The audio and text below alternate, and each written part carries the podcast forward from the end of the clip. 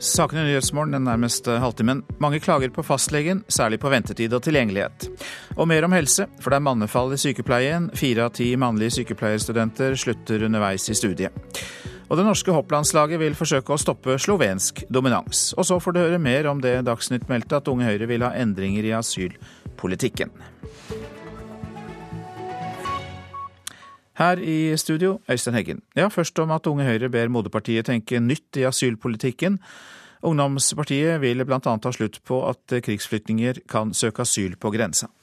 Det tragiske med politikken i dag er jo egentlig at vi indirekte oppfordrer ganske mange mennesker til å ta en farlig reise til Europa. Sier Unge Høyre-leder Kristian Tonning Riise. Inspirert av en fersk Civita-rapport tar han til orde for å endre asylsystemet slik vi kjenner det i dag. Folk som flykter fra krig skal ikke ha rett på asyl, men først og fremst få hjelp i nærområdene. Til Europa skal du kun komme flyktninger gjennom FN-kvoter eller dissidenter og menneskerettighetsforkjempere på humanitære visum. Og Da vil vi sørge for at færre legger ut på en farefull ferd til Europa, som krever mange menneskeliv. Flere vil få hjelp som flykter fra krig og nød. Og mennesker som er individuelt forfulgt, vil få et mye mer uh, oversiktlig og en tydeligere rettighet til å søke asyl i Europa. Bakteppet er krigen i Syria og den største flyktningkrisen siden andre verdenskrig.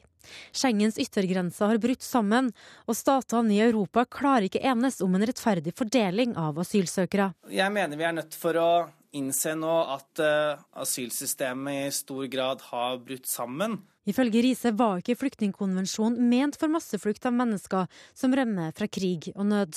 Og Skal vi klare å hjelpe de på en god måte, så er vi helt nødt for eh, å bygge opp systemer for å kunne ta imot alle de millionene som er på flukt, i trygge naboområder. Hjelp i nærområdene. Det høres kjent ut. Frp har snakka om det lenge.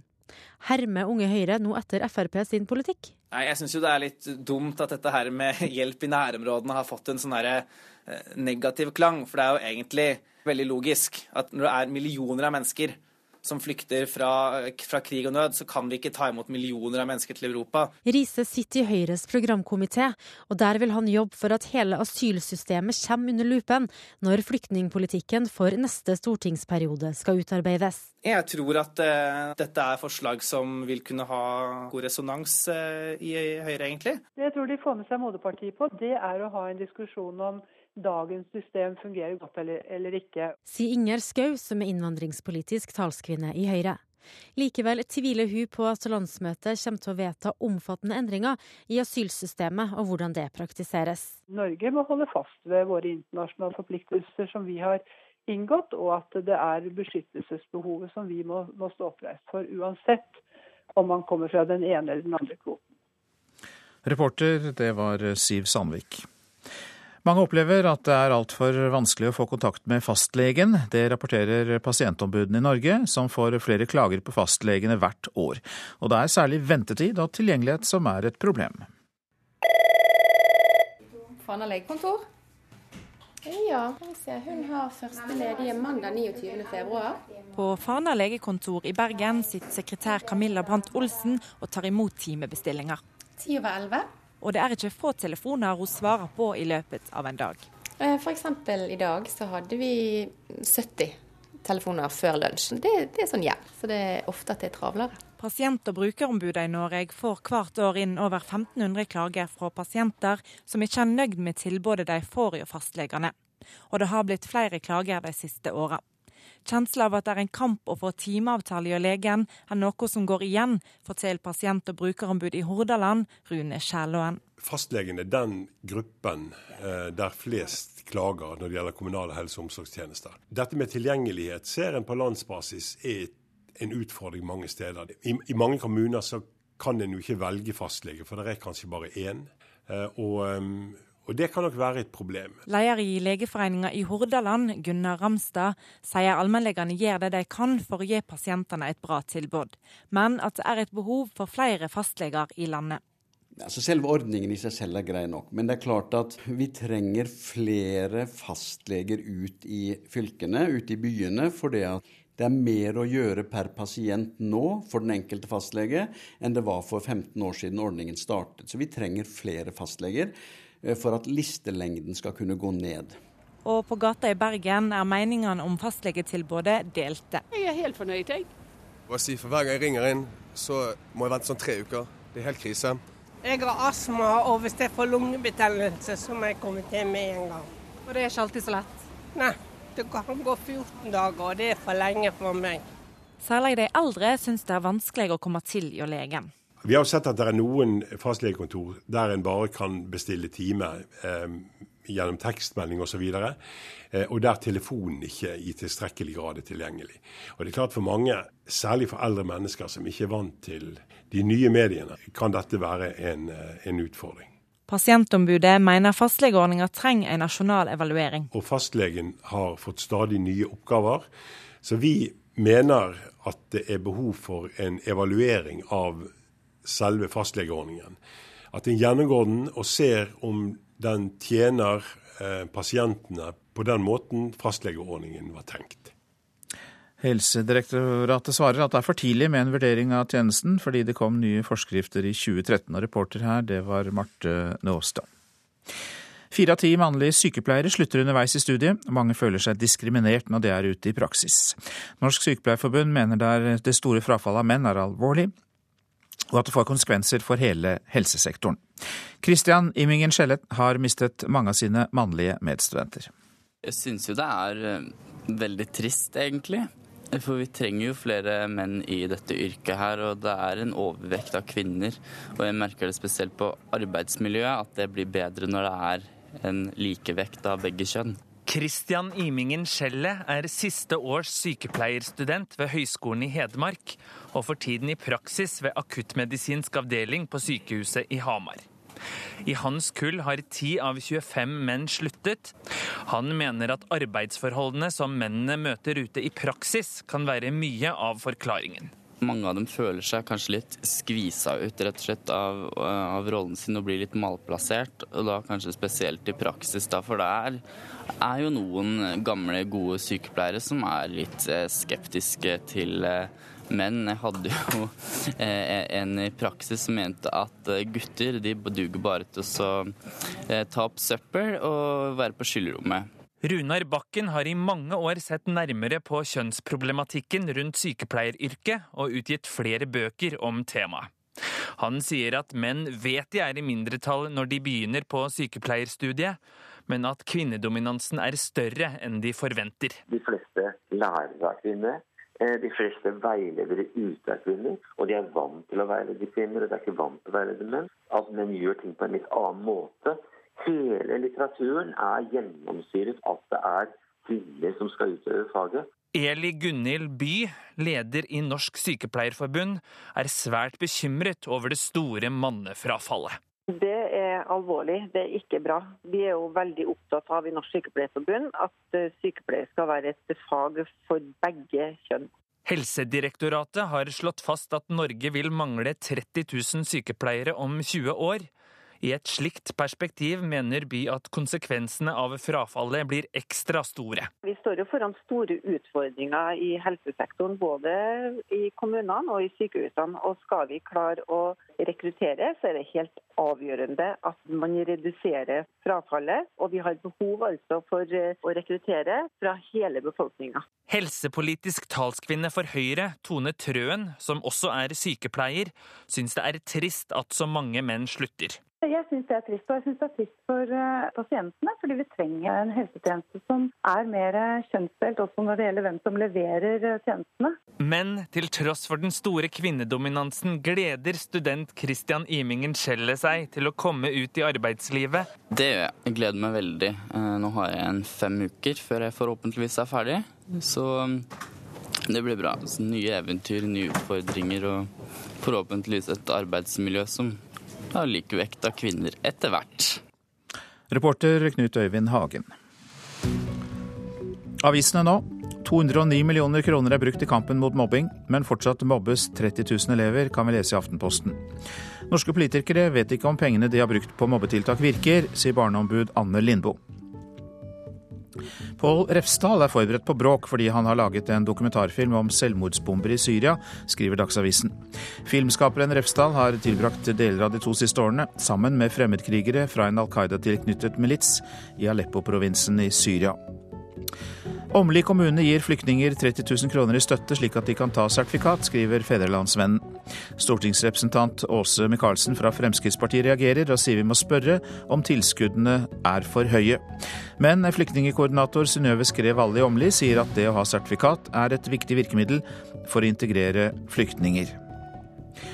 Oljekjempene banker på døra hos Robot Drilling Systems i Sandnes, forteller Dagens Næringsliv. De lager nemlig elektriske roboter som håndterer borerør på oljeplattformer, og kan dermed bidra til å redusere kostnader. Men flere arbeidere i Nordsjøen kan bli overflødige.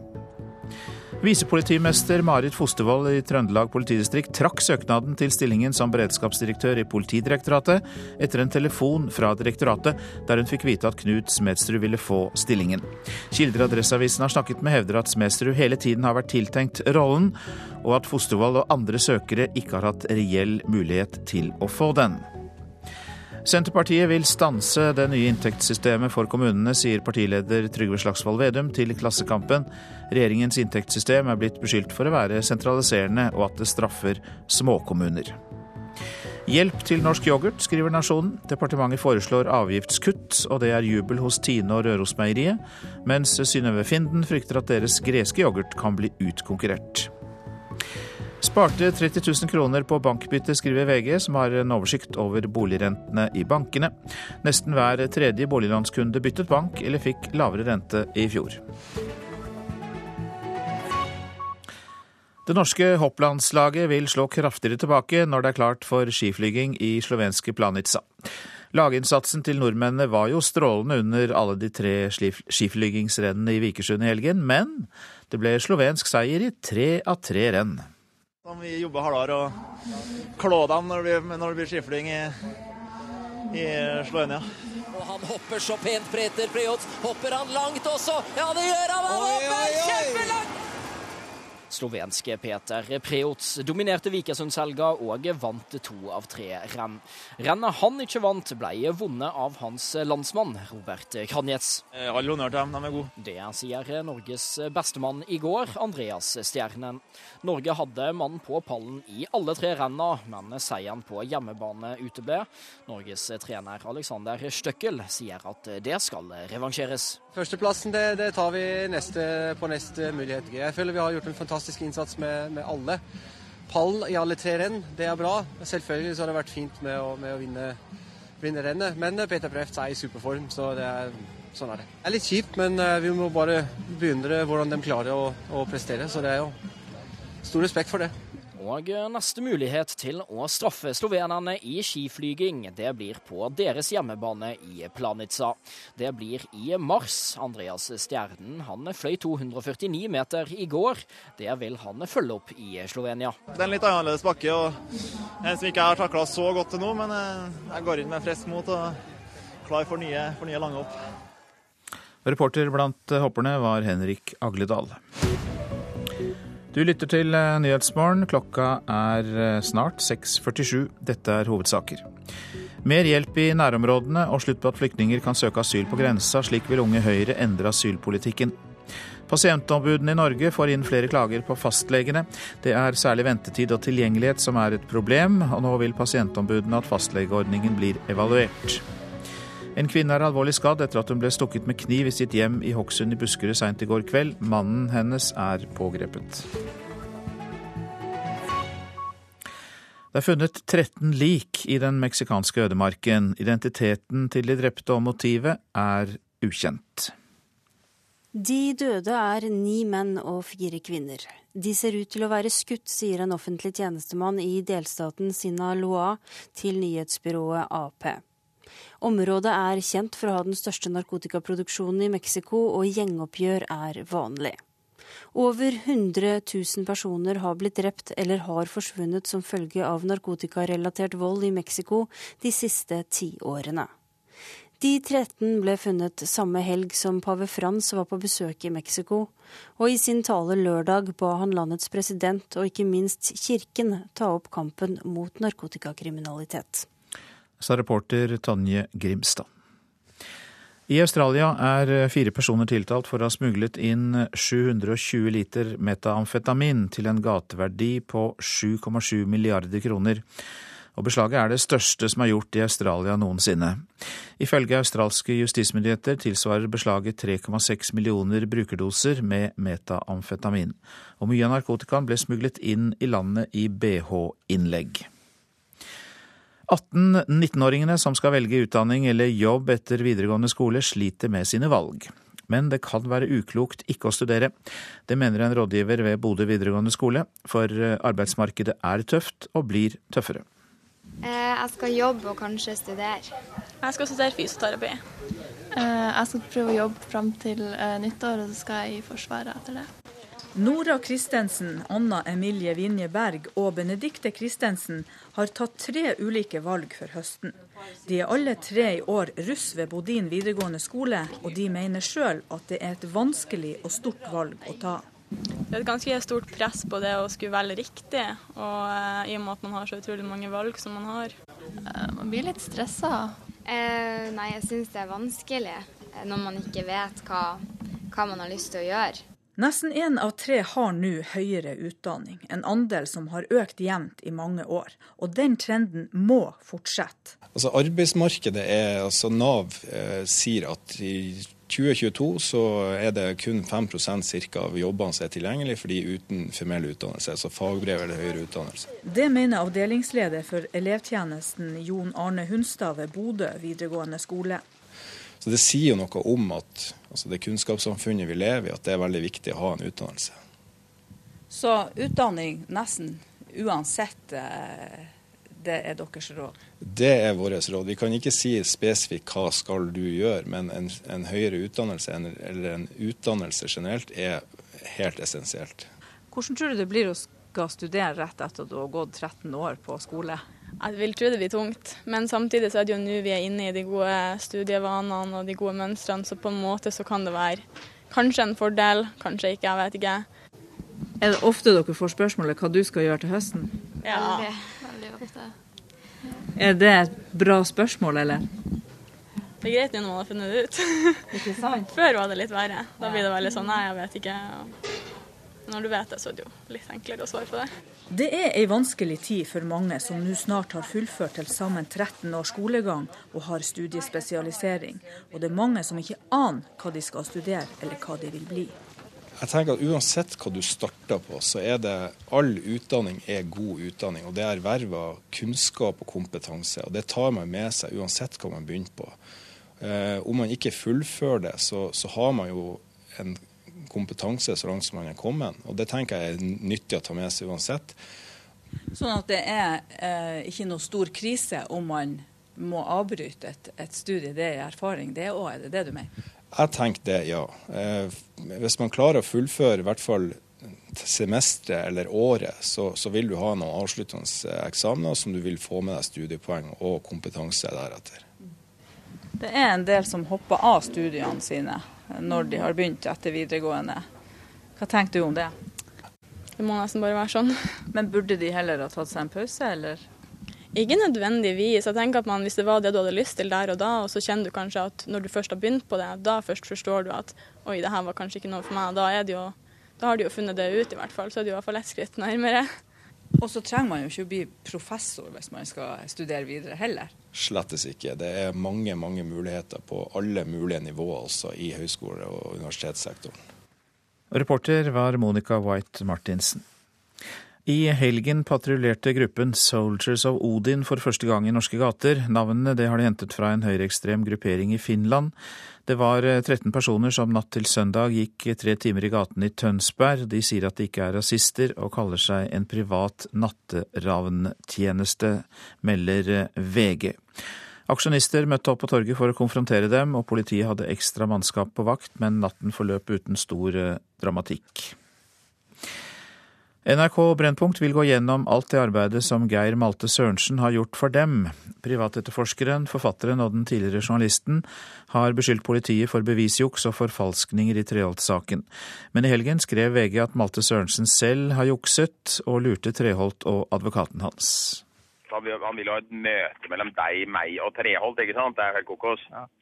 Ja, det, det, kan jo, det, kan jo, aldri gå, av naturlige Nei. årsaker. Ja, men Det er bare å si til ham nå at det er helt, helt uaktuelt. Dette er et opptak av en av Geir Malte Sørensens telefonsamtaler våren 2015, som VG har fått tilgang til. Han gir ifølge VG en drapsdømt bruktbilselger instruksjoner om hvordan han skal snakke med Arne Treholts advokat Harald Stabel.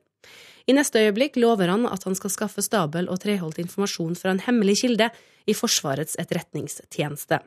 Malte Sørensen har også jobbet for NRK Brennpunkt, og etter VGs avsløringer vil NRK ta en gjennomgang av alt arbeidet han har gjort, sier Lars Kristiansen.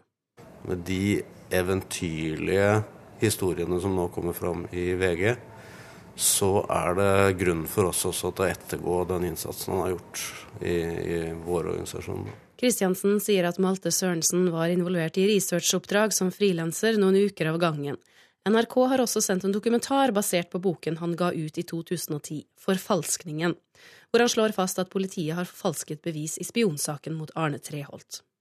Ja, Det er naturlig at vi nå tar en ny kikk på den filmen. Ja, det er slik at Den filmen ikke er offentlig tilgjengelig fra NRK. NRK hadde ikke rettigheter til å vise den utover selve visningen den gangen.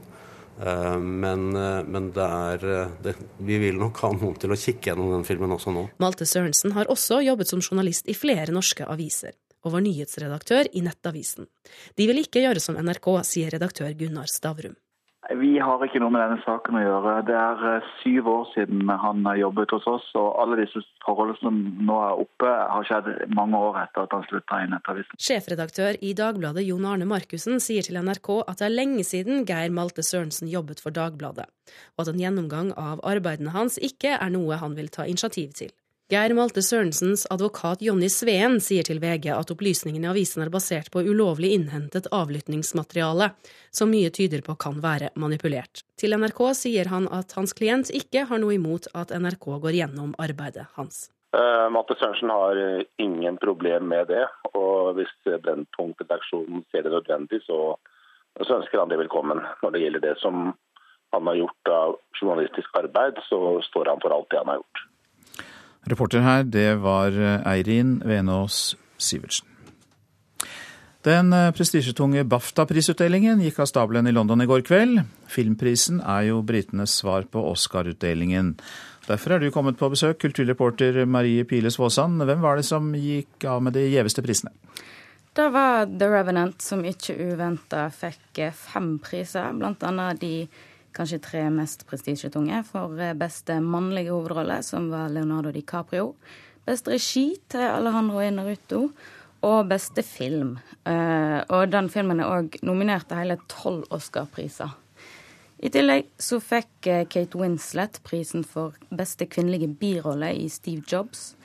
Og begge de for, forrige nevnte filmene går jo på norske kinoer nå. Og så fikk eh, beste kvinnelige skuespiller fikk Bree Larson for innsatsen i Room, og den har premiere i Norge til helga. Var det noen store øyeblikk som folk ble revet med da? Eh, Leonardo DiCaprio og Kate Winslet holdt veldig rørende taler. DiCaprio takka mamma si, som hadde bursdag i går. Og Kate Winslet fortalte om en dramalærer hun hadde hatt. Så hadde fortalt hun at hun kom bare til å få tjukk jenterolle, som de kalte det for. Eh, som jo var veldig sårende, og som sikkert eh, ga henne et godt stikk tilbake på utdelingen i går. Eh, begge de fikk veldig mye hyllest i sosiale medium. Og I tillegg så var det flere småstikk til debatten rundt Oscar-utdelingen, som jo har fått veldig mye kritikk for at det er en, en pris for hvite folk. Eh, men det var òg protester før BAFTA. Da var det mye folk utenfor eh, utdelingslokalet i Operaen som eh, ba om mer fargerike nominasjoner. Liv og røre i London i går altså. Gir denne BAFTA-tildelingen noe hint om hva som kan komme fra Oscar-utdelingen? Ja, han gjør nok det. Det er veldig mange av de samme nominasjonene. I tillegg så er det noen av de samme folkene rett og slett som sitter og stemmer på disse to prisene. Um, og Oscarene er jo den 28. februar, så det er ikke lenge til. Men, og BAFTA har blitt skifta ut og blitt delt før Oscar. Det ble han ikke før. Og etter det så var det veldig mange flere store stjerner som kom, som sikkert har lyst til å spille kortene sine rett for å ha mulighet til Oscar.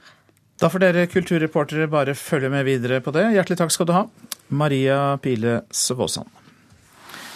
Så er det tid for meg å si noen ord om været fram til midnatt. Langfjella pent vær kort og godt. Fjellet i Sør-Norge unntatt Langfjella. Enkelte snøbyger i nord, men ellers stort sett pent også der. Østafjells og Rogaland pent vær. Hordaland også stort sett pent vær, men der kan det komme enkelte snøbyger ytterst på kysten. Sogn og Fjordane skiftende skydekke, enkelte snøbyger på kysten og i Nordfjord. Lange perioder med sol i indre Sogn, og så blir det oppholdsvær i kveld. Møre og Romsdal og Trøndelag får snøbyger. Og så går vi til Nordland, som fra i ettermiddag får nordvestlig liten kuling på kysten, og i kveld periodevis stiv kuling i Vesterålen. Det blir eh, snøbyger i Nordland, kan hende med torden i Lofoten og Vesterålen. Flest byger i kystområdene. Troms eh, av og til en liten sørvestlig kuling utsatte steder. I kveld vestlig stiv kuling på kysten, og det blir enkelte snøbyger. I kveld øker bygeaktiviteten. Også der er det utrygt for torden på kysten. Finnmark litt snø i sør og øst. Fra ettermiddag sørvestlig liten kuling på kysten i vest. Enkelte snøbyger i vest, men ellers stort sett opphold. Og så går vi til Nordensjøland på Spitsbergen. Sørøstlig liten kuling utsatte steder, og litt snø av og til. Og vi må jo ta med noen temperaturer. Disse ble målt klokka fire i natt. Svalbard lufthavn og Kirkenes begge minus to. Vardø null, Alta minus fem. Tromsø-Langnes minus fire, og det samme i Bodø minus fire. Brønnøysund minus tre, Trondheim-Værnes minus seks, Molde null. Bergen-Flesland minus seks, Stavanger minus fem, Kristiansand-Kjevik minus ni. Og Gardermoen og Lillehammer de landet på samme temperatur, minus 13 grader, mens Røros hadde 11 grader eh, i natt, og Oslo-Blindern minus 10 klokka fire, altså.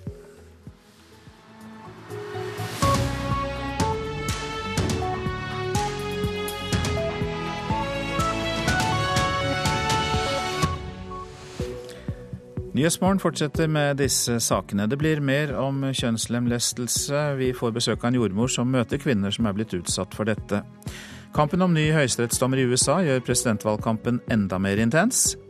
Bosnia-Hercegovina leverer i dag sin søknad om EU-medlemskap. Og halvparten av oss bryter nyttårsforsettene etter få måneder, og kun 8% har endret livsstil etter et år. Som vi hørte i Dagsnytt, mellom 3000 og nærmere 8000 barn i Norge er i risikogruppen for å bli kjønnslemlestet. Det viser nye beregninger fra Nasjonalt kunnskapssenter for vold og traumatisk stress. Dette er da barn med foreldre fra land hvor kjønnslemlestelse er utbredt. Friminutt på Ammerud skole i Oslo. 50 nasjonaliteter møtes her i skolegården noen med bakgrunn fra land og regioner hvor kjønnslemlestelse er utbredt. Jeg er pålagt å snakke om uh, kjønnslemlestelse, som jeg vet foregår i hjemlandet deres. Så spør jeg litt hva foreldrene tenker rundt det, om de har noen tanker rundt det. Sier helsesøster Vilde Johannessen om samtalene hun har med alle foreldre og barn i første klasse. Når det er barn fra land eller regioner hvor kjønnslemlestelse er utbredt, tar hun opp dette. Noen foreldre sier, eller mødre stort sett, da, sier at de uh, har blitt omskjært selv. Forteller gjerne litt om det, og sier at dette ønsker de ikke sine barn. For det har vært smertefullt, og det er smertefullt og vanskelig. Mellom 3000 til nesten 8000 barn i Norge er i risikogruppe for å bli kjønnslemlestet. Det viser nye beregninger fra forsker Ragnhild Elise Johnsen ved Nasjonalt kunnskapssenter for vold og traumatisk stress. Dette er da barn som hadde hatt en høy sjanse for å bli utsatt for kjønnslemlestelse hvis de hadde bodd hjemme, og hvis det ikke skjer noen endring ved migrasjon. Sånn at alle disse her er jo mennesker man da må nå med forebyggende arbeid for å sikre at dette ikke skjer i Norge. Rundt 17 000 kvinner og barn i Norge er kjønnslemlestet i dag. En hovedgruppen er da typer hvor du fjerner hele eller deler av klitoris og indre kjønnslepper. Så har du den mest alvorlige formen hvor hele kjønnsorganet sys igjen, hvor de indre eller ytre kjønnsleppene sys sammen, så det blir en veldig liten åpning. Og man da må opereres hvis man skal ha samleie eller få barn. Og ca. 50% har kommet sannsynligvis med den typen omskjæring til Norge. I dag blir det informert om de medisinske konsekvensene og at dette er ulovlig. Men Johnsen sier det forebyggende arbeidet også bør rettes mot hvorfor dette skjer. Sånn som jeg driver forskning nå og intervjuer folk, nesten alle sier at de er imot kjønnsomlestelse. Men de tror at de fleste andre er for. Så så lenge de ikke får en dialog med andre, så, så vet de jo ikke at kanskje alle er imot. Men Man må også ta tak i det grunnene til at folk gjør det. Hvorfor i all verden gjør man kjønnslemlestelse? La oss si at vi har en familie med fem døtre, da. Sier Bente Mo, avdelingsdirektør i Helsedirektoratet. Så har de tilbud først gjennom helsestasjons- og skolehelsetjenestetilbudet, det ordinære. Så har de en ekstra tilbud ved første klasse, femte klasse. Hvis vi ganger opp det, så blir det i tillegg til det ordinære helsestasjonsprogrammet 15 ganger for én familie. Og Det betyr at de har alle muligheter til å få med seg god informasjon om helseskader ved kjønnslemlestelse. Mo mener det ikke trengs flere forebyggende tiltak. Så lenge vi har eh, tiltakene inn i den universelle tjenesten som når alle, så tenker jeg at det er der vi må jobbe. På Ammerud skole skal flere førsteklassinger med foreldre til samtale med helsesøster Vilde Johannessen. Foreldre hun snakker med er imot, men sier at presset fra hjemlandet kan være vanskelig å stå imot når de er på ferie. De er redd for at uh, familiemedlemmer, altså bestemor, tanter, onkler, skal uh, si at dette er noe de må gjøre. Og noen av de mødrene har ønsket uh, å ha med seg dokumentasjon fra Norge om at det ikke er lov, og at foreldrene kan komme i fengsel hvis de utfører kjønnslemlestelse. Reporter, det var Ellen Omland. Og Asha Barre, du er jordmor på Akershus universitetssykehus. Du møter jo kvinner som er blitt utsatt for kjønnslemlestelse. Hvilke tanker gjør du deg om at det er så mange, kanskje helt opp mot 8000, i denne risikogruppen? Ja, Det høres veldig skremmende ut, men det forventes når vi tar imot så mange flyktninger fra disse områdene. Og jeg tenker at Fokuset har før vært rettet mot somaliere og eritreere, kanskje. Men de flyktningene som kommer i dag, kommer fra andre land som fokuset har ikke vært veldig mye. Og det er kurdere fra Irak, det er eh, kanskje noen syrere, men mest er kanskje kurdere fra Irak som ikke har vært veldig mye fokus. Og da tenker jeg at vi må bevisstgjøre for eh, de eh, tiltakene som vi har hatt fra før, så vi må gjøre at det er også andre grupper som må rettes, eh, ta tak med. Mm. Hva er det viktig å få til for å forebygge det og hindre det? Det viktigste er det, uh, informasjon, for å informere folk hvorfor skal vi ikke gjøre dette her. En ting er å si at det er forbudt å gjøre uh, kjønnslemlestelse, uh, men hvorfor skal vi slutte å gjøre? Og da tenker jeg at de helsekonsekvensene er veldig viktige for å si at det, dette er skadelig for barnet ditt, og dette har ikke noe helsegevinst i det hele tatt, men tvert imot, det er veldig skadelig for ditt barn. Hva forteller de kvinnene du møter i jobben din? Jeg har, jeg, jeg har, hatt veldig lang erfaring med å, å jobbe mot kjønnslemlestelse, og det jeg ser, er at mange er veldig imot kjønnslemlestelse i dag. Og mange angrer at de har gjort mot sine barn, voksne bestemødre som angrer veldig mye at de har gjort mot sine barn. Så jeg, jeg har sett holdningsendringer i de årene som jeg har jobba. Ja, du har selv opplevd det. Hvordan var det? Hvordan opplevde du det? Hvordan taklet du det? Jeg var jo et barn når jeg har opplevd dette her, og jeg bodde i et land hvor 98% av jenter blir omskåret. Så for meg akkurat der og da var det selvfølgelig smertefullt, men det var ikke noe jeg har tenkt psykisk, eller noe som har plaget meg i etterkant. Og de smertene som jeg hadde, eller de problemene som jeg hadde, så var det relatert til alltid til normaliteten, for dette er en del av normaliteten, har jeg tenkt. Men ting forandrer seg når du kommer til et annet land hvor dette ikke praktiseres. Så får du andre psykiske plager enn det du har hatt fra før. Og Det hadde du også? Og det hadde jeg selvfølgelig også. Men det arbeidet som jeg har gjort mot kjønnslemlestelse, hjelper meg også personlig for å bearbeide mine problemer. Hvordan var da holdningen i din egen familie til dette her? Jeg jeg har snakka med min mor om dette her, og hun er selvfølgelig veldig imot nå. Og hun sier at det er, jeg angrer at jeg har gjort dette mot deg. Men det som skremte meg samtidig, var at min mor Og hun er ikke alene når jeg refererer min mor, så tenker jeg hun er ikke alene om dette her. Er det mange andre som mener at det er viktig å gjøre litt, ikke nødvendigvis å gjøre den kjønnslemlestelse som man gjør i Somalia, som er type 3, men at man kan gjøre litt. For da en kvinnes kjønnsorgan må jobbes litt med. Hva svarer du når de sier de at de vil likevel gjøre litt? Da prøver jeg å bevisstgjøre dem. Hva er, hva, hva er tankene deres? Hvorfor tenker de sånn egentlig? Hvorfor skal man gjøre noe med, med det? Og vi må huske at somaliere er eh, muslimer, og de, de, er veldig opptatt for å, for å, bruke Koranen på riktig måte. Og da spør jeg dem men hvorfor, hvis det, det, står ikke noe om dette her i din religion, hvorfor er du opptatt av at du skal gjøre litt da? Og jeg, grunnen jeg bruker religion, er det fordi det er veldig viktig for, for dem for å bruke religion. Og da, da klarer jeg å, å, lage dialog med min mor. Eller med andre eldre mennesker som gjør og, og, og, andre, nettopp. Mm. Føler du, Ser du at eh, holdninger endrer seg når du argumenterer sterkt imot dette? Ja, jeg gjør det. Og jeg, veldig, har alltid vært veldig opptatt for å, for å ha dialog og argumentere eh, mot dette. her. Og jeg ser at holdninger endrer seg, og jeg har faktisk hørt gode nyheter hvor gutter som bor i Somalia i dag, ønsker ikke jenter som er kjønnslemlesta. Så jeg ser holdningsendringer, men vi har lang vei å gå, og dette er ikke en kultur som kommer til å ta i slutt, verken 100 år eller 200 år. Så vi må jobbe veldig hardt mot. Og det er viktig at vi må jobbe i de landene som praktiserer, og ikke bare i Vesten, hvor vi har eh, lov, våre lover som forbyr dette her. Mange takk for at du eh, kom. Asha, Asha Bare, takk skal du ha. Du er jordmor på Akershus universitetssykehus eh, AS. Stemmer. Nå til den syriske byen Aleppo. Der eh, er innbyggerne livredde. De trygler om at eh, krigshandlingene må stanses umiddelbart. Samtidig som toppledere fra hele verden har vært samlet i München i helgen og forhandlet fram en våpenstillstand, så har bombene regnet over eh, Aleppo. We have agreed to accelerate and expand i München har de i helgen snakket om fredsavtaler og humanitær hjelp. I Aleppo har bombene regnet og skuddsalvene runget. I München er FNs utsending forsiktig optimistisk.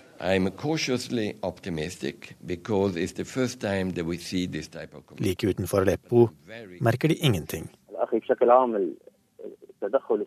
Her på bakken merker vi ingenting, vi bare venter, sier Feras Mula. Han er journalist og aktivist og bor i Azaz, like nord for Aleppo. Der har tusenvis av mennesker de siste dagene samlet seg med et håp om å komme seg over grensen til Tyrkia. Situasjonen i byen er katastrofal, og jeg håper det internasjonale samfunnet snart hjelper til. Det er kraftig bombing av Assas akkurat nå, og flyktninger fra hele Aleppo-distriktet har kommet hit, forteller Mulan på telefon fra Syria. Og det er ikke bare russiske bomber og syriske soldater som har angrepet området. Også tyrkiske militære har skutt granater mot kurdisk milits nær byen. Folk her er livredde. Vi lever på et lite område, og vi frykter for at det kommer folk fra de kurdiske områdene og tar kontroll over grensen. Da er vi omringet, sier Mulla. Det er ikke mange som har stor tro på avtalene mellom USA og Russland som ble inngått i München. Nær null prosent sannsynlig, mente britenes utenriksminister Philip Hammond fra podiet i den bayerske byen. Lenger sør har de heller ikke noe særlig tro på avtalen, og der er konsekvensene store og frykten helt reell. Det vi frykter mest, er massakre, for de som slåss sammen med regimet, er jo leiesoldater. Og det er klart at de vil massakrere folk her, sier mulla. Reportere det var Christian Aanensen og Mohammed Alayoubi. Klokka er snart 7.15. Eh, Dette er eh, hovedsaker. Mellom 3000 og 8000 barn i Norge er i risikogruppen for å bli kjønnslemlestet. Det viser nye beregninger fra Nasjonalt kunnskapssenter om vold og traumatisk stress. Pasientombudene i Norge får eh, inn flere klager på fastlegene hvert år. Det er særlig ventetid og tilgjengelighet som er et problem. Nå vil pasientombudene at fastlegeordningen evalueres. Mer hjelp i nærområdene og slutt på at flyktninger kan søke asyl på grensa. Slik vil Unge Høyre endre asylpolitikken. Men nå til Balkan og Bosnia-Hercegovina, for landet leverer i dag inn sin søknad om EU-medlemskap. 20 år etter krigen så står landet ved et nytt veiskille. Og Enver Djuliman, god morgen. God morgen. Du er jo seniorrådgiver i Helsingforskomiteen, og hva er det Bosnia vil oppnå med medlemskap i EU? Ja, uh, Først og fremst vil jeg bare uh, si at uh, Bosnia søker om kandidatstatus til EU-medlemskap. Og det skal lenge til i prosessen at Bosnia blir medlem. Det betyr at, at Den europeiske kommisjonen, etter at den har mottatt søknad i dag, skal bruke ca. ett til ett og et halvt år til å gjøre en slags av uh, lege... Uh, legesøk, legesjekk av den bosniske staten, som er en, en, en pasient, for å finne ut hvordan er tilstand til forskjellige lover, ordninger og, og hvordan ting er organisert i staten. Først etterpå eh, skal EU eh, e eh, bestemme at Bosnia skal få EU-kandidatstatus, EU og da skal EU stille forskjellige krav til, til staten. Det Bosnia ønsker å oppnå, det er litt spørsmål om du spør, hvem du spør om det. En del av de politiske eliter ønsker en tilnærming og integrering i EU mens eh, den andre delen av, av eliten er mer likegyldig. Eh, spesielt eh, fordi den andre delen, her snakker jeg om Republika Serbska, venter litt hvordan ting skal utvikle seg med Serbia. Ja, så Nå er jo Bosnia-Hercegovina spesiell i den forstand at de har en føderasjon mellom muslimske bosniakker og kroater på den ene siden, og så har de jo da som du nevner, Republika Serbska på den eh, andre. Eh, hvordan er samarbeidet mellom de to delene av landet? Eh, Samarbeidet mellom vanlige mennesker er stort sett bra, men man må huske at det, det tar lengre tid til å bygge opp et menneske. Eller bygge opp en gruppe etter en slik katastrofe som det, var, som det har skjedd i Bosnia. Og ikke snakk om eh, å bygge opp tillit mellom to forskjellige eh, grupper. Så eh, forhold mellom grupper er fremdeles sårbar. Det, det skal lite til at de blir frustrert, og til at det oppstår en eller annen mindre konflikt. Fordi det er Det er på en måte, Det fins ikke noe som heter past på Balkan. Den er alltid der med deg. Ja, Så de, de har med seg historien? Eh, men eh, hvordan kan eventuelt et eh, EU-medlemskap, da et stykke frem selvfølgelig, bedre forholdet mellom folkegruppene? Ja, um, Først, hvis du spør bosniere, vanlige bosniere hva de forventer av EU, så forventer de et bedre liv, forventer de eh, at staten skal fungere bedre, og forventer de også at medlemskap skal forhindre en kommende konflikt. Men det EU eh, eh, kan bidra med når det gjelder eh, utvikling i Bosnia, det er spesielt først og fremst at EU selv skal kreve at Bosnia som stat bedrer situasjonen med menneskerettigheter, tar oppgjør med korrupsjon, Um, eh, forsikrer likestilling for alle eh, mennesker. Eh, får til, til at minoriteter får forsikret sine rettigheter, og selvfølgelig arbeider med forsoning. Det EU kan bidra i denne sammenheng når det gjelder forsoning, der det er spesielt Jeg skal bare nevne ett segment i samfunnet, og det er utdanning. Det er mye galt som skjer i utdanning på, på alle nivåer der eh, eh, skoler og universiteter tjener til sin etniske gruppe, der eh, kunnskap selv er etnifisert, og der eh, folkegrupper ofregjør seg selv. Noe som er selvfølgelig negativt. Fordi man kan ikke være ofre, og det er lenge, og det, det kan skape problemer. Utdanning ett et av flere sentrale punkter. Hjertelig takk for at du kom, Enver eh, Djuliman, som altså da er seniorrådgiver i Helsingforskomiteen. Og Bosnia-Hercegovina søker da altså om eh, kandidatstatus eh, i EU. Takk skal du ha. Takk selv. Nå til USA. Der blir presidentvalgkampen enda mer intens i helgen etter at én av ni dommere i Høyesterett døde uventet. Antonin eh, Scalia var en av de mest konservative dommerne i USAs høyeste domstol, utnevnt av president Reagan i 1986.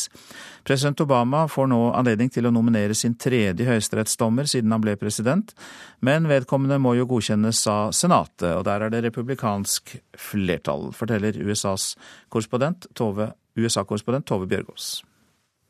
Scalia som døde, han var altså én av fem eh, litt mer konservative dommere i Høyesterett. Og nå eh, er det altså snakk om om man, man, klarer å beholde konservativt flertall der, eller om en mer liberal dommer dersom Obama klarer å, å få fylt eh, dette embetet mens han er president.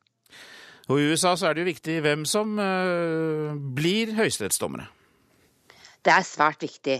Det er jo litt annerledes enn det systemet vi er vant til eh, hjemme. Men det er altså ni dommere i Høyesterett. De skal eh, håndheve landets eh, lover og være landets høyeste domstol. Men de har også ofte juridiske ståsteder som gjør at f.eks. den høyesteretten som sitter nå, klarte å, å få vedtatt at amerikanske homofile og lesbiske får lov til å gifte seg. Det skjedde i, fjor vår. I 1974 var det Høyesterett som bestemte eh, at abort skulle bli tillatt. Omstridte saker her i USA er det ofte Høyesterett som har avgjort for det amerikanske folket, fordi politikerne ikke klarer å bli enige. Nominasjonskampen eh, både hos republikanere og demokrater bærer jo preg av å være protestvalg, med protestkandidatene Bernie Sanders og Donald Trump i fremgang. Eh, men det er blitt hevdet at en høyesterettsdom eh, har bidratt. Ja, og det viser igjen hvor riktig Høyesterett er. Den såkalte Citizens United-dommen som kom etter valgkampen i 2008, eh, det var den som tillot at privatpersoner her i USA og organisasjoner kan bruke så mye penger de vil på valgkamp, altså på å støtte politiske ytringer. Dermed oppsto de såkalte superpackene, eller Super Political Action Committeene, som de heter, litt komplisert her, eh, i valgkampen. Eh, og de har jo da ført til at det aldri i historien har blitt brukt så mye penger på valgkamp og på politikk. Og, og jeg tror veldig mange velgere, eller det ser vi tydelig nå, er frastøtt av dette. Og at det er en av grunnene til at Sanders og Trump at de nå stiger fram. Og det viser altså igjen hvor viktig Høyesterett er. I denne kampen om hvem som skal bli ny dommer i Høyesterett, eh, hva forventer man skal skje videre nå? Obama sier altså at han har rikelig med tid på, til å nominere gode kandidater, som han da vil forsøke å få Senatet til å godkjenne. Men i Senatet så er det altså da et republikansk flertall, og der sier flere av senatorene, bl.a. Ted Cruz, som er en presidentkandidat, at de aldri i verden kommer til å godkjenne eh, de som Obama eh, fremmer. Så får vi vente og se om han kunne klare å komme fram til en kandidat som er spiselig for dette republikanske flertallet. Eh, det er vanskelig å si hva som vil skje nå. Det, det kommer forslag til navn som man kan tenkes å, å, nominere, som vil være vanskelig kanskje for republikanerne å avslå. Men jeg tror vi kan vente oss at dette vil bli et basketak, og at det er relativt stor sannsynlighet for at det ikke er utnevnt noen ny dommer før valget i november, og at det da altså blir neste presidenten som skal gjøre dette. Og, og siden det akkurat nå da er tungen på vektskålen som skal utnevnes nå, eh, så, så blir dette ekstra viktig. Og så til eh, avisene. 209 millioner kroner er brukt i kampen mot mobbing, men fortsatt mobbes 30 000 elever, kan vi lese i Aftenposten. Norske politikere vet ikke om pengene de har brukt på mobbetiltak virker, sier barneombud Anne Lindboe. Pål Refsdal er forberedt på bråk fordi han har laget en dokumentarfilm om selvmordsbombere i Syria, skriver Dagsavisen. Filmskaper Refsdal har tilbrakt deler av de to siste årene sammen med fremmedkrigere fra en Al Qaida-tilknyttet milits i Aleppo-provinsen i Syria. Åmli kommune gir flyktninger 30 000 kroner i støtte, slik at de kan ta sertifikat, skriver Fedrelandsvennen. Stortingsrepresentant Åse Michaelsen fra Fremskrittspartiet reagerer og sier vi må spørre om tilskuddene er for høye. Men flyktningkoordinator Synnøve Skre Valle i Åmli sier det å ha sertifikat er viktig virkemiddel for å integrere flyktninger. Oljekjempene banker på døra hos Robot Drilling Systems i Sandnes, forteller Dagens Næringsliv. De lager elektriske roboter som håndterer borerør på oljeplattformer, og kan dermed bidra til å redusere kostnader. Men flere arbeidere i Nordsjøen kan bli overflødige. Visepolitimester Marit Fostervoll i Trøndelag politidistrikt trakk søknaden til stillingen som beredskapsdirektør i Politidirektoratet etter en telefon fra direktoratet der hun fikk vite at Knut Smetsrud ville få stillingen.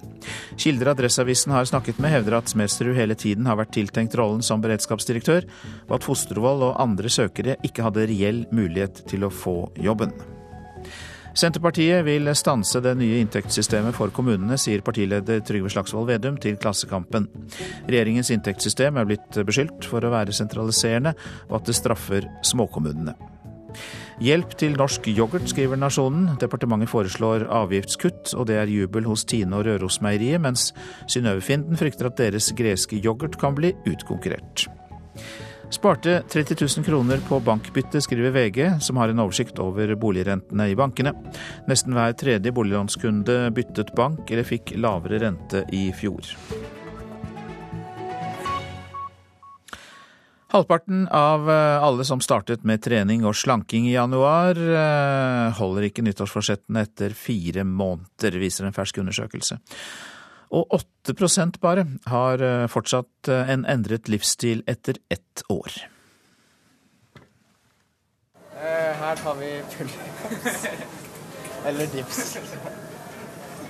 Guttegjengen på 15 år går til treningsstudio rett etter skolen. På den måten motiverer de hverandre til å trene, forteller Emil Nødtveit. Vi pleier å dra hit rett etter skolen, og da har man noe å holde på med med en gang man har, får, kommer inn i en rutine. da etter hvert. Mange starter det nye året med forsetter om en strammere og slankere kropp. Men etter fire måneder faller rundt halvparten av. Det viser en britisk studie av nyttårsforsetter. Høyskolelektor ved Høgskolen i Østfold, Ole Sveen, sier det er flere grunner til at mange faller av. Mange da, går veldig hardt ut. Uh, trener kanskje tre-fire-fem ganger hver uke. Uh, og skal gjøre sånn som de som har holdt på noen år, gjør.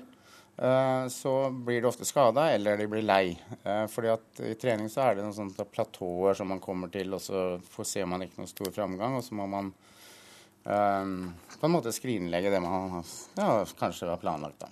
Men hva vet vi om dem som faller av, da?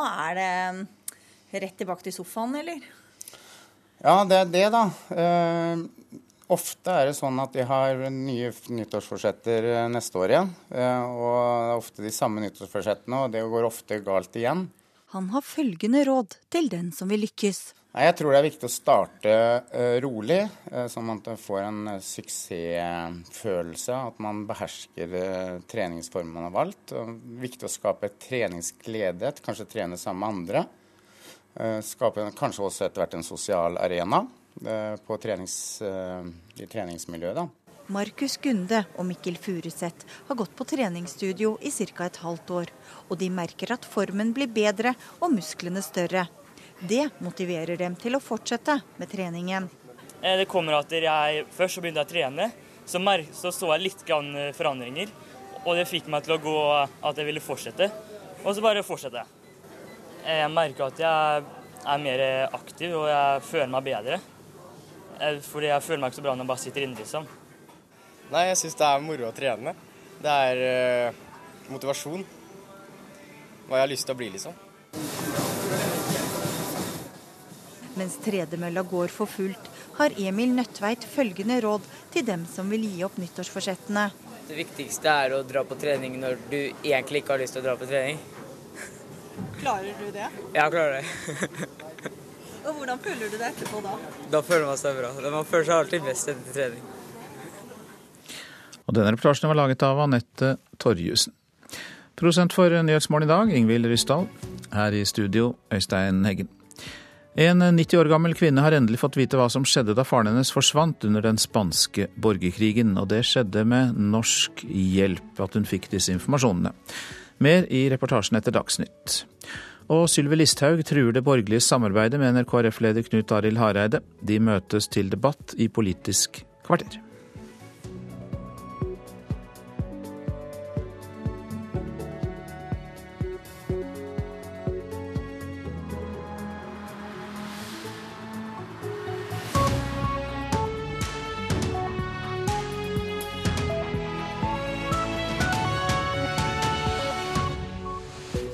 Ja, Vi hørte om eh, kjønnslemlestelse i eh, Dagsnytt. Hvordan vil innvandringsministeren jobbe for å forebygge det? Sylvi Listhaug sitter klar i Nyhetsmorgens studio. Mange klager på fastlegeordningen. Mest klager er det på ventetid og dårlig tilgjengelighet. Vi skal høre fra livredde innbyggere i den syriske byen Aleppo. De trygler om at krigshandlingene må stanses umiddelbart. Og vi skal høre at partilederne i KrF og Venstre inviteres til nye samtaler med lederne for regjeringspartiene. Ja, Det er altså mellom 3000 eh, og 8000 barn i Norge som er i risikogruppen for å bli kjønnslemlestet. Det er beregninger fra Nasjonalt kunnskapssenter om vold og traumatisk stress som viser det. Friminutt på Ammerud skole i Oslo. 50 nasjonaliteter møtes her i skolegården. Noen med bakgrunn fra land og regioner hvor kjønnslemlestelse er utbredt. Jeg er pålagt å snakke om uh, kjønnslemlestelse, som jeg vet foregår i hjemlandet deres. Så spør jeg litt hva foreldrene tenker rundt det, om de har noen tanker rundt det. Sier helsesøster Vilde Johannessen om samtalene hun har med alle foreldre og barn i første klasse.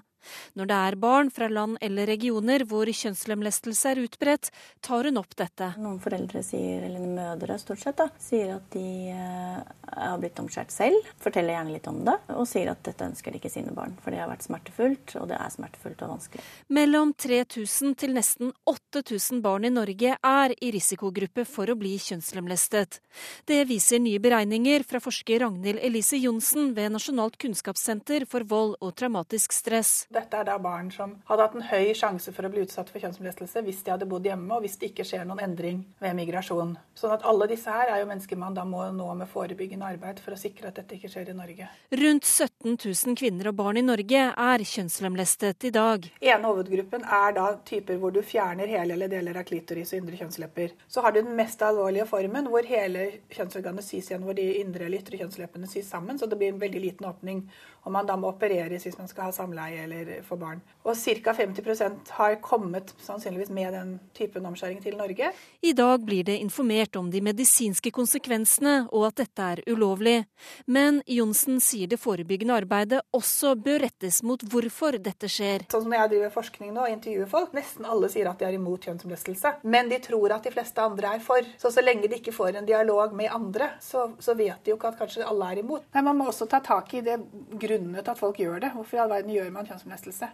La oss si at vi har en familie med fem døtre, da. Sier Bente Mo, avdelingsdirektør i Helsedirektoratet. Så har de tilbud først gjennom helsestasjons- og skolehelsetjenestetilbudet, det ordinære. Så har de en ekstra tilbud ved første klasse, femte klasse. Hvis vi ganger opp det, så blir det i tillegg til det ordinære helsestasjonsprogrammet 15 ganger for én familie. Og Det betyr at de har alle muligheter til å få med seg god informasjon om helseskader ved kjønnslemlestelse. Mo mener det ikke trengs flere forebyggende tiltak. Så lenge vi har eh, tiltakene inn i den universelle tjenesten som når alle, så tenker jeg at det er der vi må jobbe. Ammerud skole skal flere førsteklassinger med foreldre til samtale med helsesøster Vilde Johannessen. Foreldre hun snakker med er imot, men sier at presset fra hjemlandet kan være vanskelig å stå imot når de er på ferie. De er redd for at uh, familiemedlemmer, altså bestemor, tanter, onkler, skal uh, si at dette er noe de må gjøre. Og noen av de mødrene har ønsket uh, å ha med seg dokumentasjon fra Norge om at det ikke er lov, og at foreldrene kan komme i fengsel hvis de utfører kjønnslemlestelse. Reporter her, det var Ellen Omland. Syv Listhaug, velkommen. Takk for det. Du er jo innvandrings- og integreringsminister, og er du overrasket over at det er så mange i denne risikogruppen i Norge? Vi vet jo det at det er spesielle landbakgrunner som driver med denne type skikk, og at en del av eh, de kommer til Norge. Så det er klart at dette her er en utfordring, det er jo fullt klar over. Og det er et tema som jeg vært veldig engasjert i i mange år. Fordi at jeg mener at vi må gjøre alt vi kan for å bekjempe denne barbariske skikken her, som bidrar til å ødelegge underlivet til jenter, og også da livet til mange. Så Derfor så er det utrolig viktig at vi jobber videre både med forebygging og med å hjelpe de som er blitt utsatt for det. det vi hørte her at det var 17 000 som bor i Norge som er blitt uh, kjønnslemlesta. Hjelpe de da til å kunne få helsetjeneste og, og bli åpna opp og, og få et bedre liv, rett og slett. Du sier du jobber videre med dette. Vi hørte at forskeren eh, Ragnhild Elise Johansen mener at det må mer forebyggende arbeid til. Bente Mo, Avdelingsdirektør i Helsedirektoratet mener foreldre får nok informasjon. Hva mener du? Nei, Nå skal jeg faktisk i dag til Norsk senter for vold og traumatisk stress, som da er den aktøren som har veldig mye kunnskap om dette her i Norge. Så jeg skal reise dit med et åpent sinn og høre litt hva de tenker og hva de har funnet ut rundt disse spørsmåla. For det er helt klart at det må være en høy prioritet for det norske samfunnet å bekjempe denne type overgrep, vil jeg kalle det, mot kvinner. Eh, så i den grad vi kan gjøre mer, så bør vi absolutt vurdere det. Så jeg har helt åpent sinn. Ja.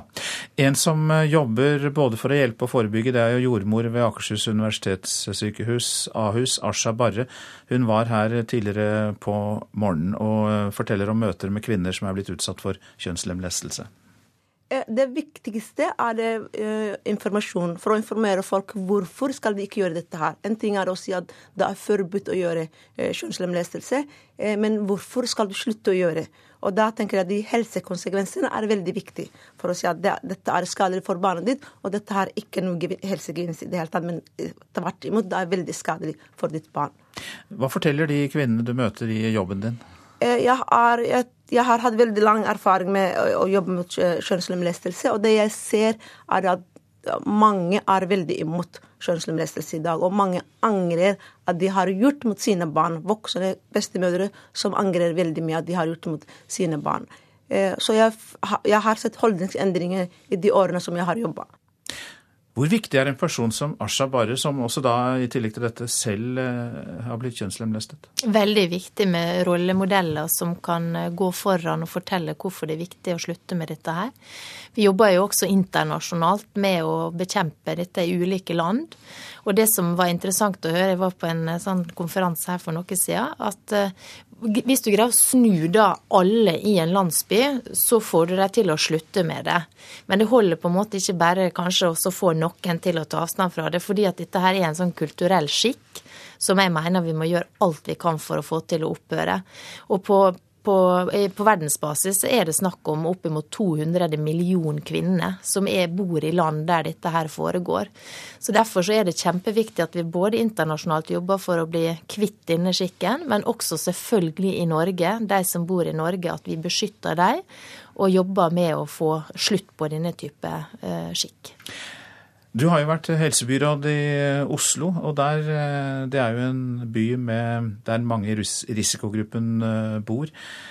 Eh, tenkte du og andre at det ble gjort nok den gangen da dere jobbet med dette? Var dere, var dere da klar over hvor mye det kunne bli, og hvor stor risikoen kunne være?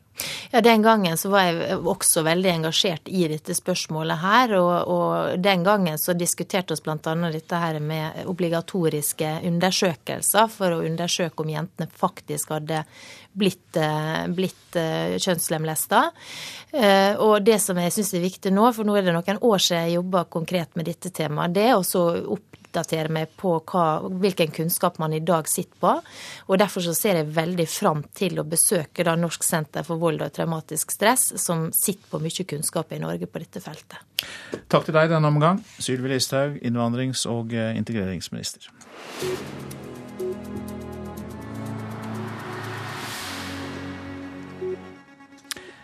Mange opplever at det er altfor vanskelig å få kontakt med fastlegen. Det sier pasientombudene i Norge. Ombudene får over 1500 klager på fastleger hvert år, og tallet øker. Og det er særlig lang ventetid og dårlig tilgjengelighet som er problemet. Fana legekontor.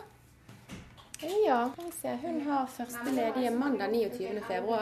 På Fana legekontor i Bergen sitter sekretær Camilla Brandt Olsen og tar imot timebestillinger. 10 over 11 og det er ikke få telefoner hun svarer på i løpet av en dag. Eh, F.eks.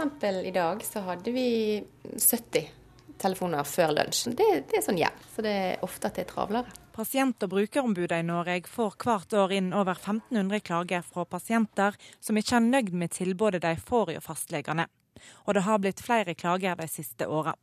Kjensla av at det er en kamp å få timeavtale hos legen, er noe som går igjen, forteller pasient- og brukerombud i Hordaland, Rune Skjælåen. Fastlegen er den gruppen eh, der flest klager når det gjelder kommunale helse- og omsorgstjenester. Dette med tilgjengelighet ser en på landsbasis er en utfordring mange steder. I, i mange kommuner kan en jo ikke velge fastlege, for det er kanskje bare én. Og, og det kan nok være et problem. Jeg har astma, og hvis jeg får lungebetennelse, så må jeg komme til med en gang. Og det er ikke alltid så lett? Nei, det kan gå 14 dager, og det er for lenge for meg. Særlig de eldre syns det er vanskelig å komme til hos legen. Vi har jo sett at det er noen fastlegekontor der en bare kan bestille time eh, gjennom tekstmelding osv. Og, eh, og der telefonen ikke i tilstrekkelig grad er tilgjengelig. Og det er klart For mange, særlig for eldre mennesker som ikke er vant til de nye mediene, kan dette være en, eh, en utfordring. Og eh, det var Og Helsedirektoratet, det må vi legge til, sier det er for tidlig med en vurdering av denne tjenesten, fordi det kom nye forskrifter så seint som i 2013. Reporter var Marte Njåstad. I den syriske byen Aleppo er innbyggerne livredde og trygler om at krigshandlingene må stanses umiddelbart. Samtidig som toppledere fra hele verden har vært samlet i München i helgen og forhandlet fram en våpenhvile i Syria, så har bombene regnet over Aleppo. Her på bakken merker vi ingenting, vi bare venter, sier Feras Mula. Han er journalist og aktivist og bor i Azaz, like nord for Aleppo. Der har tusenvis av mennesker de siste dagene samlet seg med et håp om å komme seg over grensen til Tyrkia. Situasjonen i byen er katastrofal, og jeg håper det internasjonale samfunnet snart hjelper til. Det er kraftig bombing av Assas akkurat nå, og flyktninger fra hele Aleppo-distriktet har kommet hit, forteller mullaen på telefon fra Syria. Og det er ikke bare russiske bomber og syriske soldater som har angrepet området. Også tyrkiske militære har skutt granater mot kurdisk milits nær byen. Folk her er livredde. Vi lever på et lite område, og vi frykter for at det kommer folk fra de kurdiske områdene og tar kontroll over grensen. Da er vi omringet, sier Mulla. Det er ikke mange som har stor tro på avtalene mellom USA og Russland som ble inngått i München. Nær um, null prosent sannsynlig, mente britenes utenriksminister Philip Hammond fra podiet i den bayerske byen. Lenger sør har de heller ikke noe særlig tro på avtalen, og der er konsekvensene store og frykten helt reell. Det vi frykter mest, er massakre, for de som slåss sammen med regimet, er jo leiesoldater. Og det er klart at de vil massakrere folk her, sier mulla. Reportere Christian Aanensen og Mohammed Alayobi. Vi lytter til Nyhetsmorgen. Klokka er 8.46 der. Dette er hovedsaker. Mellom 3000 og 8000 barn i Norge er i risikogruppen for å bli kjønnslemlestet. Det viser nye beregninger fra Nasjonalt kunnskapssenter om vold og traumatisk stress. Pasientombudene i Norge får 1500 klager på fastlegene hvert år, og det er særlig ventetid og tilgjengelighet som er et problem. Venstre-leder Trine Skei Grande og KrF-leder Knut Arild Hareide investeres til nye runder i Nydalen med partilederne fra regjeringspartiene. Mer om det snart. Men i dag starter Mammutsalget. Det tradisjonsrike boksalget kan være en døråpner for å oppdage bøker man ikke har fått med seg. Ikke sant, litteraturmedarbeider i NRK, Marta Norheim? Jo da, det er jo eh, nærmere 1,5 eh, million bøker fordelt på 1200 eh, titler, så det skulle jo tro at alle kunne finne ei bok der som de ikke hadde lest før. Det er noen skjulte skatter mellom to permer for de som liker, fortsatt liker bøker. Og det er jo absolutt de fleste av oss. Hvilke skjønnlitterære bøker vil du trekke fram? Ja, um, altså det er jo nesten vanskelig å gjøre det, fordi at uh, folk er jo så forskjellige. Men jeg tenkte altså en, en klassiker som uh, 'Brødrene Karamazov' av Dostojevskij. Altså, vi er vel mange her i landet som tenkte en skulle jo en gang ha satt seg ned og lest Dostojevskij. Og nå får en altså sjansen for en ganske billig uh, penge. Ellers er jo eh, gode forfattere som Linn Ullmann med 'Det dyrebare' og Siri Hustvedt er ute med 'Den flammende verden'. Det er to morsomme bøker å lese sammen fordi at de handler om såkalte 'unlikable women', altså damer som ikke går inn for å bli likt av noen som helst. Og det er en ganske fascinerende eh, kvinnetype som en kan studere der. Ja, altså Jeg kjøpte Dostojevskij på Mammut for noen år siden, og eh, det var nesten skammelig billig. Ja, det kan du si. Altså, De setter jo veldig ned prisene. og Dette her er jo eh, både en måte å tømme lagrene på, som de jo virkelig trenger. altså Det ble makulert eh, millioner bøker i fjor. Men det er samtidig også en måte å få masse folk inn i bokhandlene på, få mye til å skje rundt bøker. Og i den grad at de også faktisk trykker opp en del bestselgende titler til salget. Eh, så dette her jo, har jo på en måte gått utover sine bredder og blitt noe mer enn bare et eh, boksal. da. Ja, det, er noe, det, er ikke bare det de har liggende på hylla, de trykker opp til mammutsalget òg? Ja, de gjør det. De snakker ikke så mye om det, men de gjør det. Men du, eh, har du noen spesielle sett noen sjangre som er dominerende i år?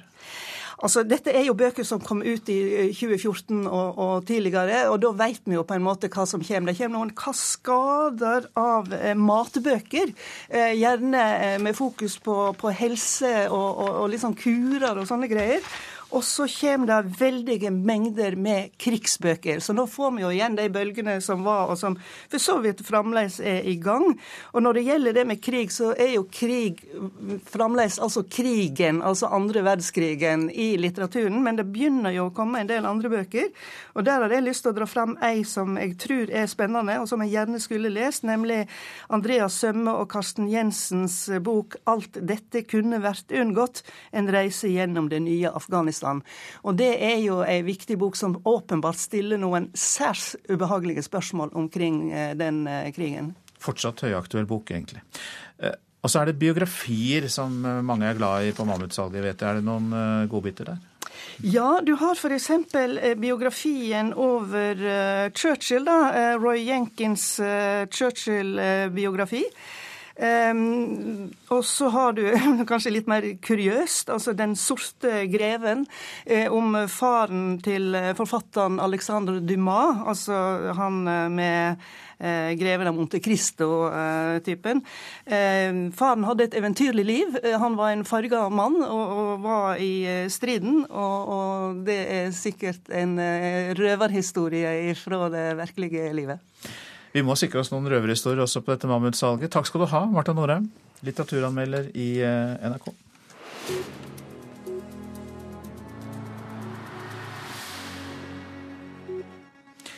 Da går vi inn i politikkens verden, for Venstre-leder Trine Skei Grande og KrF-leder Knut Arild Hareide inviteres til nye runder i Nydalen med partilederne fra regjeringspartiene. KrF-leder Knut Arild Hareide tror uenigheten rundt asylpolitikken blir et viktig tema. Jeg tror det er alltid klokt å sette seg sammen eh, og snakke sammen. Eh, og det har vi blitt enige om, at eh, vi gjør det en gang i halvåret. Og jeg tror at det har skjedd ganske mye siden sist vi var samla i Nydalen. Det er en mer krevende situasjon innenfor flyktning- og asylfeltet. Og det er et av de spørsmålene som det er ganske stor avstand mellom de fire samarbeidspartiene.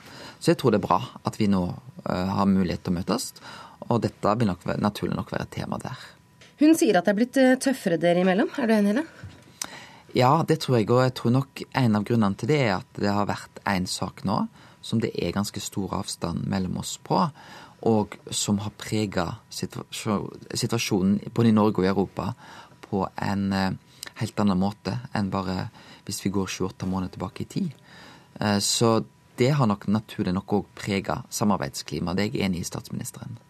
Hva tror du Solberg ønsker eh, med dette møtet? Hva tror du hun ønsker å komme fram til med dere rundt dette temaet?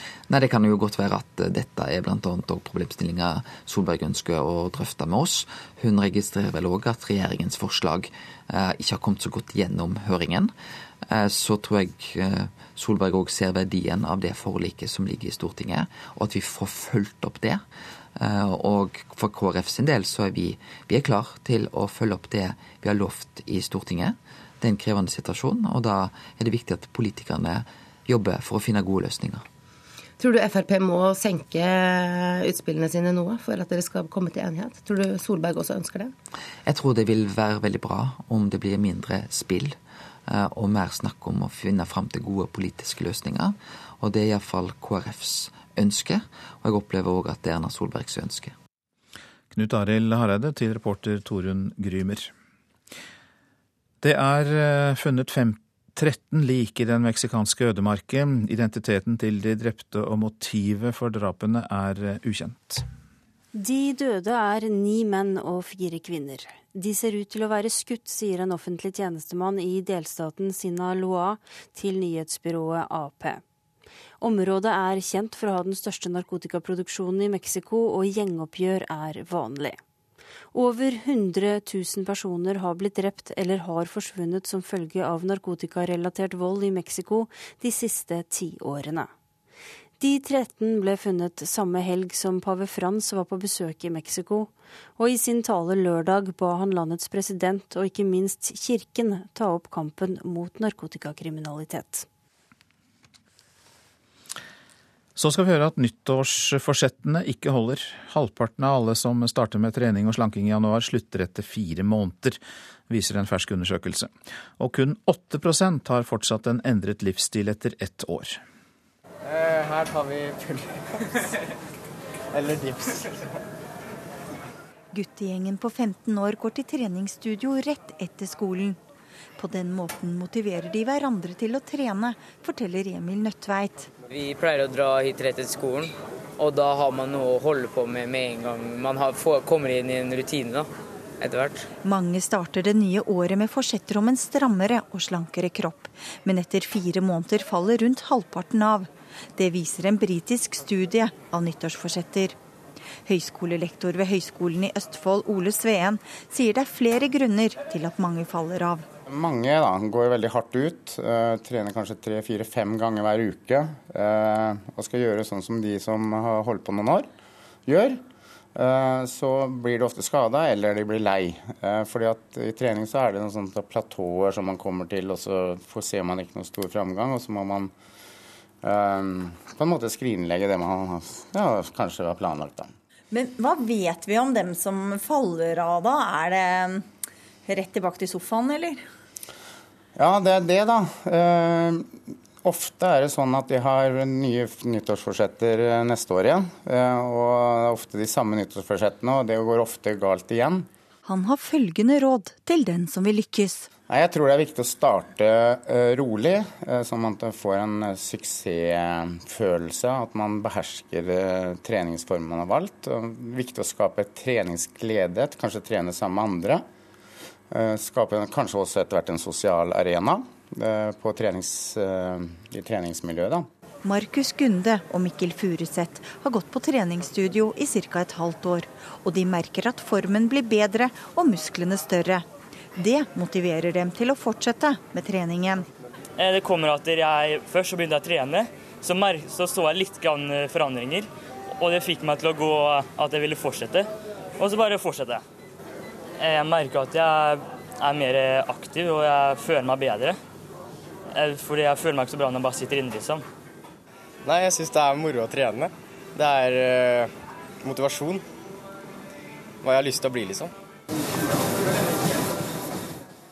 Mens tredemølla går for fullt, har Emil Nødtveit følgende råd til dem som vil gi opp nyttårsforsettene. Det viktigste er å dra på trening når du egentlig ikke har lyst til å dra på trening. Klarer du det? Ja, jeg klarer det. Og hvordan føler du det etterpå da? Da føler man seg bra. Man føler seg alltid best etter trening. Den reportasjen var laget av Anette Torjussen.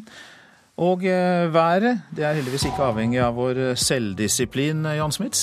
Nei, sånn stort sett eh, ikke. Men eh, vi kan jo ha en selvdisiplin eller nyttårsforsetter om hvordan vi skal utnytte været. F.eks. komme oss ut de dagene det er fint vær ute. Ja, det er sant. Der har vi en vri på det. Og det er veldig mye pent vær i sør, så man bør vel kanskje ta seg en tur ut i løpet av dagen ja, sør i Norge? I dag er faktisk nesten dagen å ta fri, hvis man hadde hatt muligheten til det. Eller hjemmekontor eller utendørs feltarbeid eller et eller annet sånt noe. Kanskje ikke fullt så bra i andre deler av landet hvor det er en del snøbyger, også litt snø av og til på Spitsbergen, og det blåser en del eh, kuling av og til fra øst til sørøst. Og ikke så veldig kaldt, minus én grad på flyplassen i Longyearbyen eh, nå på morgenkvisten, og det holder seg omtrent på det nivået. Så er det litt snø fortsatt enkelte steder i sørøstlig del av Finnmark, men det driver østover, så her blir det oppholdsvær og kanskje litt sol i løpet av dagen, mens områdene i vest stort sett får oppholdsvær. Kanskje en snøbyge eller to på kysten eh, i vest etter hvert. Eh, øst i Troms også oppholdsvær for det meste, men vest i Troms så er det snøbyger på vei innover. Og her får vi også vestlig opp i stiv kuling i kveld, ellers opp i liten kuling av litt skiftende retning. Snøbygene er definitivt til stede i Nordland, ganske mange av de også. og Lokal torden kan vi få i enkelte byger, og en del vind. Nordvestlig liten kuling utsatte steder. Kanskje stiv kuling nord for Bodø i løpet av kvelden. Vi får også enkelte snøbyger i Trøndelag og Møre og Romsdal. Opp i en liten kuling på kysten kan det bli her mellom vest og nordvest, og her kan temperaturen gå opp i 1-2 plussgrader ytterst på kysten, ellers er det kuldegrader. Og Vestlandet sør for Stad, her kan det komme enkelte snøbyger i Sogn og Fjordane, de nordlige områdene her, og på kysten sørover til Hordaland sånn cirka. Ellers er det oppholdsvær, ganske lite skyer, særlig i de sørlige områdene, og mye sol. Og det har vi også både på Sørlandet, i Telemark og store deler av Østlandet. Sørlige fjellområder også ganske fint, mens i de nordlige fjellområdene så driver noen av bygene fra Trøndelag og Møre og Romsdal etter hvert eh, innover eh, området. Kanskje en annen skydott holder stand også sørover på Østlandet, men, men ganske fint her. Opp i en frisk bris kanskje ytterst i Oslofjorden ifra nord. Ellers ganske rolige vindforhold og, og, og fine, fine, en fin dag. Mange takk skal du ha, statsmeteorolog Jan Smits, for dagens eh, vær. Og da runder vi av med å si at Erlend Rønneberg var ansvarlig for nyhetssendingene på morgenen her i radio. Produsent for Nyhetsmorgen Ingvild Ryssdal, teknisk ansvarlig Espen Hansen, og i studio Øystein Heggen.